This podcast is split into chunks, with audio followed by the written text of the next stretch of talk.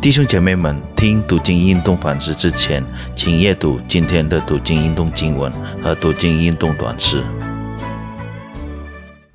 主内弟兄姐妹们，大家平安！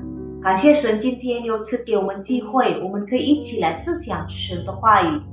还没有思想神的话语之前，我们一同来低头祷告。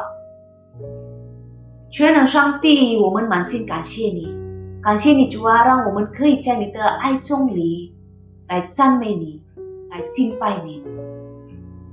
求主来帮助我们，让我们有渴慕的心来亲近主；也求主来开启我们的心，赐给我们智慧，好让我们可以明白主你的话语。感谢你主，我们祷告是奉告主耶稣基督的名求，阿门。今天我们的读经运动反思来自。约翰上书第一章，题目是“爱的阻拦”。什么事情阻拦我们爱他人呢？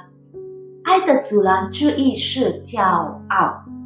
使徒约翰提醒该有约翰上书的收信人关于丢特腓，他是一位似乎在当地教会中有影响力的人。那丢特腓的态度与该有的态度相反。大家都知道，该有是一个活在真理中的人，他的生活充满爱；而丢特腓呢，他是一个没有爱、只顾自己的人。丢特腓不愿意接待使徒约翰，甚至将接待使徒约翰的弟兄赶出教会，作为。作为树立教会距离的一种形式，但当时做宣教事工的基督徒是靠其他的基督徒的接待和帮助服侍的。使徒约翰表扬该有以行善行公义，接待了来到他们地方的基督徒。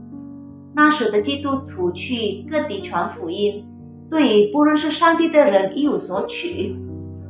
那为什么丢特腓不想接待使徒约翰和他的同工呢？原因是因为丢特腓想成为教会中的杰出人物。糟糕的是，丢特腓以自我吹嘘、贬低和伤害他人来抬高自己。他通过不承认约翰。为使徒而抬高自己，那弟兄姐妹们，骄傲会蒙蔽我们的眼睛，使我们无法行善，无法爱他人。骄傲的人不在乎真理，更不在乎爱，他所关心的是如何让自己更尊贵、更受称赞、更优先。那弟兄姐妹们，我们要记住。没有一件东西不是领受主恩，那既然都是领受的，就无可夸口。今天你我能做些什么？完全出于神恩，神的手一离开我们，我们就跌倒、软弱、败坏，我们就一无是处。我们是一无是处、一事无成。今天在神的面前。都要谦卑下来，不要以为侍奉非我莫属。你不做，有别人做，甚至做的比我们做的更好。因为圣奉是属于神，不是属于人。神既动了善功，他必成全之功。我们在神的面前，千万不可存。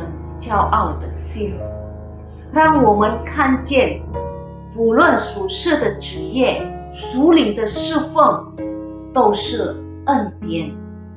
假如神的恩离开了我们，我们什么都不能做。弟兄姐妹们，不要让骄傲阻止我们接受上帝的爱，祈求上帝赐给我们谦卑的心。在上帝面前永远感恩，让上帝的爱继续在我们的生活中闪耀。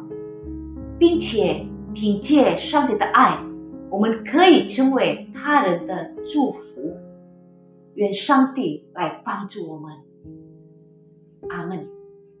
我们一起祷告。全能的神是爱的天赋，求你保守我们的心，不高举自己，而单单高举主的名。